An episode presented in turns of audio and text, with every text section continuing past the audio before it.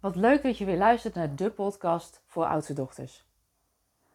Mijn naam is Aike Borghuis en ik ben net als jij een oudste dochter. En in deze podcast wil ik het graag met je hebben over het ambitieplafond. Want stel jezelf maar eens de vraag, loop jij tegen een ambitieplafond aan?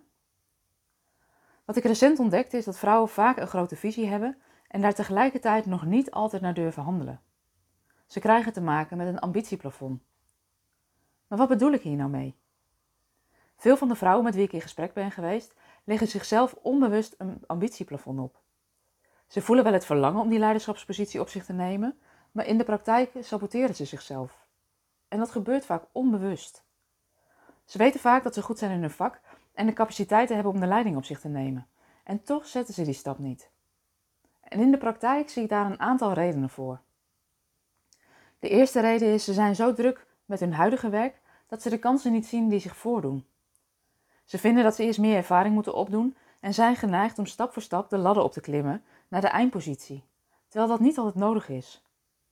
Je hoeft ook nog niet alles te kunnen voordat je de leiderschapsrol op je neemt.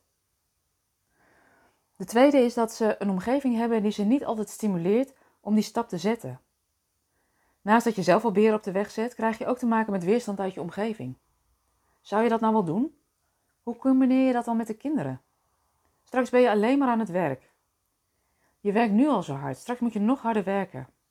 En de kans bestaat dat je je daardoor laat afremmen of je ambitie op de langere termijn schuift. De derde reden is dat een groot deel van de vrouwen inhoudelijk een kei zijn in hun vak en dat niet altijd kwijt kunnen in de organisatie waar ze op dat moment werkzaam zijn. En soms schiet het wel eens door hun hoofd heen, zal ik voor mezelf beginnen. De optie om je eigen bedrijf en systeem te starten, hebben ze vaak lang niet als een van de mogelijkheden gezien.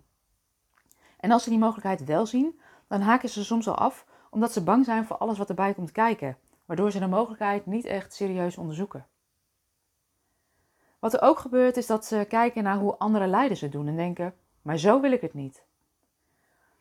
Wat er regelmatig gebeurt is dat ze vinden dat vrouwen die leiden inspirerend zijn, maar dan nog kunnen ze geneigd zijn om te kijken naar het deel wat die vrouwen wat minder goed hebben geregeld of wat ons niet zo aanspreekt en denken: ja, maar zo wil ik het niet. En daardoor ontnemen ze zichzelf de kans om nog verder te gaan ontdekken wat je wel en wat je niet aanspreekt, zodat je bij kunt sturen op die onderdelen die je voor jezelf anders zou mogen organiseren. En stel jezelf maar eens de vraag: herken jij dit ambitieplafond? Mocht dit zo zijn, dan is de kans groot dat je jezelf niet genoeg tijd en ruimte gunt om je ambities echt te onderzoeken. De kans bestaat dat je je laat leiden door de waan van de dag. En je kunt dat vaak bij jezelf merken aan zo'n sluimerend en knagend gevoel wat je kunt hebben en dat je regelmatig wegdrukt. Want daar heb je nu geen tijd en ruimte voor. Een denkfout die veel oudste dochters maken, is dat ze denken dat je op die eindpositie altijd heel druk zult zijn. En die leiderschapspositie innemen gaat natuurlijk ook niet vanzelf. Dat is vooral in het begin ook best hard werken. Maar waar we vaak niet genoeg bij stilstaan, is dat dit in de praktijk ook de plek is waar je aan de knoppen kan draaien.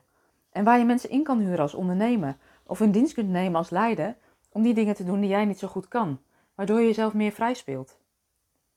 En in plaats van drukken ontstaat er vaak meer rust op die eindpositie, omdat je je bezig kunt houden met die grote lijnen, in plaats van met de details en met micromanagen.